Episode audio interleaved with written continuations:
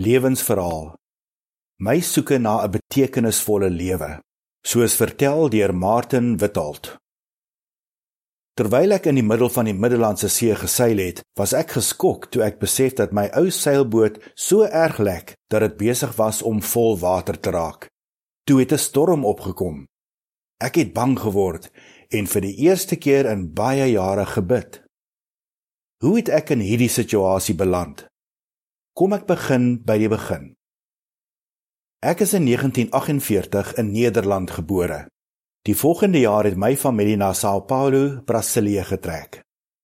My ouers was baie betrokke by die kerk en as 'n gesin het ons die Bybel gereeld na aandete gelees. In 1959 het ons weer geëmigreer, maar hierdie keer het ons na die staat Massachusetts in die Verenigde State getrek. My pa het baie hard gewerk om vir ons gesin van ag te sorg. Oor die jare het hy gewerk as 'n verkoopsman, 'n padkonstruksiewerker en 'n verkoopsverteenwoordiger vir 'n internasionale lugredery. Almal in die gesin was baie bly toe hy die werk by die lugredery gekry het, want toe kon ons baie reis. Toe ek op hoërskool was, het ek baie gewonder oor wat ek gaan doen nadat ek skool klaar maak. Party van my vriende het besluit om universiteit toe te gaan, terwyl ander by die weermag aangesluit het. Maar die weermag was nie vir my 'n opsie nie, want ek het niks gehou van stryery en bakleierery nie. Ek het besluit om universiteit toe te gaan sodat ek militêre diens kon vryspring. Maar wat ek eintlik wou doen, is om ander te help, want ek het gedink dat dit my lewe betekenisvol sou maak. Lewe op kampus.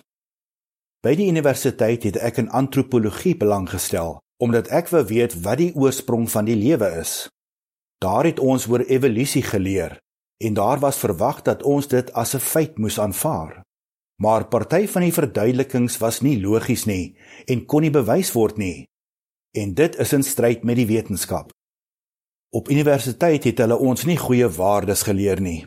Die fokus was eerder om ten alle koste suksesvol te wees. Ek het dit geniet om na partytjies toe te gaan en om met dwelms te eksperimenteer. Maar die geluk wat ek ondervind het, het nie lank gehou nie. Ek het gewonder, is dit regtig 'n betekenisvolle lewe?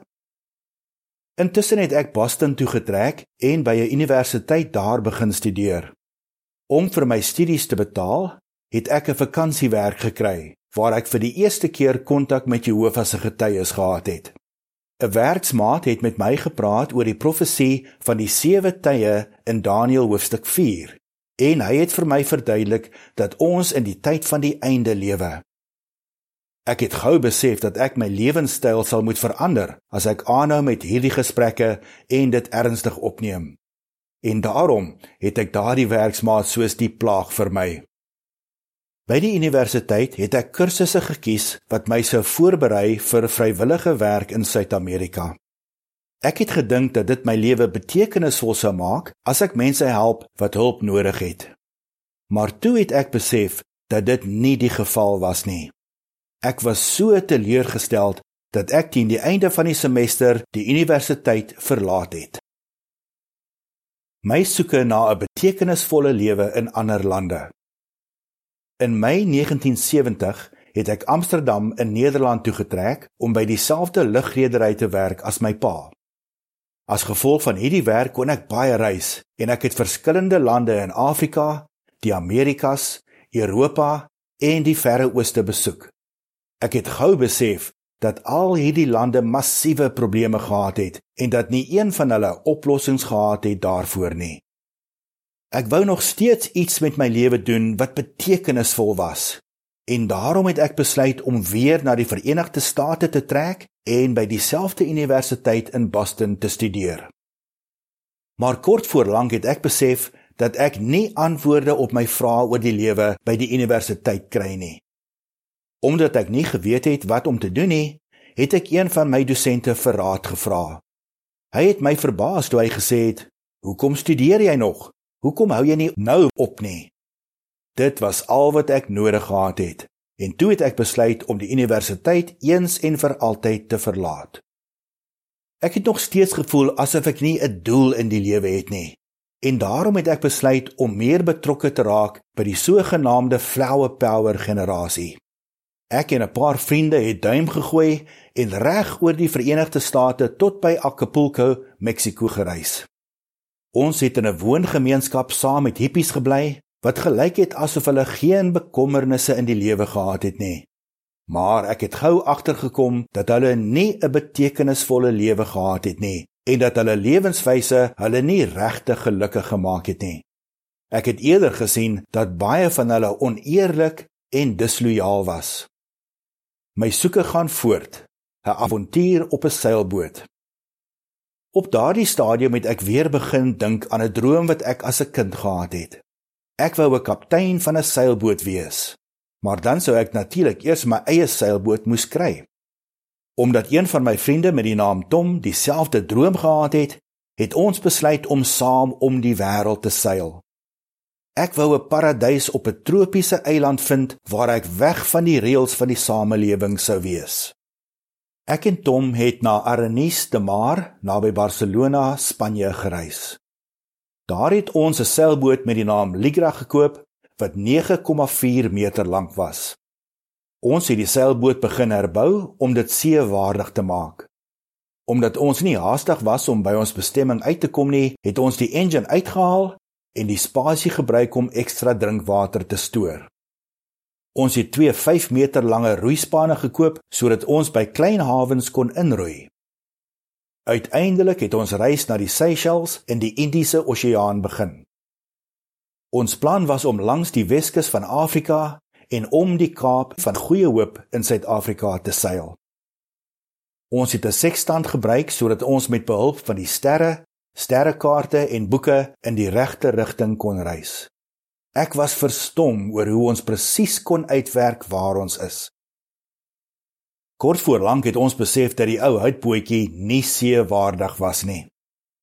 Omtrent 22 liter water het elke uur by die boot ingelek.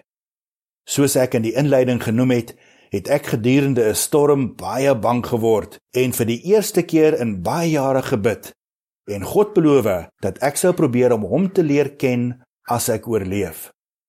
Die storm het bedaar en vir 'n verandering het ek my belofte gehou. Ek het die Bybel begin lees terwyl ons nog op see was. Dit was so lekker om in die middel van die Middellandse See te wees, omring deur vleiende visse dolfyne en eindelose horisonne. Saans was ek gefassineer deur die Melkwegstelsel en ek het al hoe meer oortuig geword dat daar 'n God is wat in mense belangstel. Nadat ons 'n paar weke lank op see was, het ons by die hawe in Alicante, Spanje ingroei. Toe ons daar was, het ons probeer om ons boot verkoop te kry sodat ons 'n beter een kon koop. Ons het natuurlik gesukkel om 'n koper te kry vir 'n ou seilboot wat gelek het en wat nie 'n engine gehad het nie. Maar dit was darm 'n goeie tyd om die Bybel te lees. Hoe meer ek die Bybel gelees het, hoe meer het ek besef dat dit soos 'n handboek is wat ons kan help om suksesvol in die lewe te wees. Ek was beïndruk met die Bybel se duidelike riglyne oor hoe om 'n rein sedelike lewe te lei. En ek het gewonder hoekom so baie mense, insluitende myself, hulle self as Christene sien as hulle ignoreer wat die Bybel sê. Ek was vasbeslote om my lewe te verander en daarom het ek opgehou om dwelms te gebruik. Ek was seker dat daar mense moet wees wat volgens die Bybel se hoë sedelike standaarde lewe en ek wou hulle ontmoet. Ek het toe vir die tweede keer gebid en God gevra om my te help om hulle te vind. My soeke na die ware godsdiens. Dit was vir my logies om die ware godsdiens te probeer vind deur 'n proses van eliminasie. Terwyl ek deur die strate van Alicante gestap het, het ek baie godsdiensgeboue gesien. Maar omdat die meeste van hulle beelde gehad het, was dit vir my maklik om hulle van my lysie af te krap. Een Sondagmiddag het ek op 'n heuwel gesit wat oor die hawe uitkyk en Jakobus 2 vers 1 tot 5 gelees wat sê dat ons nie ryk mense moet voortrek nie. Op pad terug na ons boot toe, het ek verby 'n gebou geloop wat soos 'n godsdiensgebou gelyk het. Daar was 'n teken bo die ingang wat gesê het: Koninkryk saal van Jehovah se getuies. Ek het gedink, kom ek toets die mense. Kom ek kyk hoe hulle my verwelkom. En daarom het ek met 'n baard, 'n geskeurde jeans en kaalvoet by die koninkryk saal ingestap. Die saalwagter het my na 'n sitplek langs 'n bejaarde vrou gelei en sy het my gehelp om die tekste op te soek wat die spreker genoem het. Na die vergadering was ek baie verbaas oor hoe vriendelik almal my kom verwelkom het. Een man het my na sy huis toe genooi om die Bybel te bespreek. Maar omdat ek nog nie die Bybel klaar gelees het nie, het ek vir hom gesê: "Ek sal jou laat weet wanneer ek gereed is." Intussen het ek al die vergaderinge begin bywoon. 'n Paar weke later het ek die man by sy huis gaan besoek en hy het my Bybelvrae beantwoord. 'n Week later het hy my 'n sak vol baie mooi klere gegee. Hy het vir my gesê dat die man aan wie die klere behoort in die tronk is omdat hy gehoorsaam is aan die Bybelse opdrag om ander lief te hê en om nie oorlog toe te gaan nie. Nou was ek seker dat ek gevind het waarna ek gesoek het. Mense wat gehoorsaam is aan die Bybelse duidelike riglyne oor hoe om 'n rein sedelike lewe te lei. My doelwit was nie meer om 'n paradyseiland te vind nie, maar om die Bybel in diepte te studeer. En daarom het ek na Nederland teruggegaan. Op soek na werk. Om by die stad Groningen in Nederland uit te kom, het ek duim gegooi en dit het my 4 dae geneem om daar uit te kom. Toe moes ek 'n werk kry om myself te onderhou. By een skrynwerkwinkel waar ek vir werk aansoek gedoen het, moes ek op die vorm sê aan watter godsdiens ek behoort. Ek het geskryf Jehovah se getuies. Toe die eienaar dit lees, het sy gesigsuitdrukking verander. Hy het gesê: Ek sal jou bel. Maar hy het toe nooit gebel nie. By 'n ander skrynwerkwinkel het ek vir die eienaar gevra of hy hulp nodig het. Hy het vir my gevra om vir hom my diplomas en verwysingsbriewe te gee. Ek het verduidelik dat ek herstelwerk aan 'n houtseilboot gedoen het. Tot my verbasing het hy gesê: "Jy kan vanmiddag begin, maar onder een voorwaarde. Ek wil nie hê dat jy hier in my winkel moeilikheid kom maak nie, want ek is een van Jehovah se getuies en ek lewe volgens Bybelbeginsels. Ek het hom verbaas aangekyk en gesê, ek is ook. Hy het seker geweet dat ek nie 'n getuie is nie omdat ek lang hare en 'n baard gehad het. En toe sê hy, dan sal ek die Bybel met jou studeer. Ek het met graagte sy aanbod aanvaar. Toe het ek geweet hoekom die ander eienaar my nooit gebel het nie. Jehovah was besig om my die begeertes van my hart te gee. Ek het 'n jaar lank in daardie broer se winkel gewerk en die Bybel saam met hom studeer en toe is ek in Januarie 1974 gedoop. Uiteindelik vind ek 'n betekenisvolle lewe. 'n Maand later het ek met 'n nuwe loopbaan begin, die pionierdiens en dit het vir my baie vreugde gegee. Die volgende maand het ek na Amsterdam getrek om 'n nuwe Spaanse groepie te ondersteun. Dit was vir my so lekker om Bybelstudies in Spaans en Portugees te hou. In Mei 1975 het ek die voorreg gekry om as 'n spesiale pionier te dien. Eendag het 'n suster met die naam Enneke, wat 'n spesiale pionier was, na ons Spaanse vergadering toe gekom om haar Boliviaanse Bybelstudent aan ons voor te stel. Ek en Enneke het besluit om mekaar beter te leer ken deur aan mekaar te skryf. En ons het toe gou agtergekom dat ons dieselfde doelwitte het. Ons is in 1976 getroud en ons het aangehou om as spesiale pioniers te dien totdat ons in 1982 genooi is om die 73ste Gilead klas by te woon.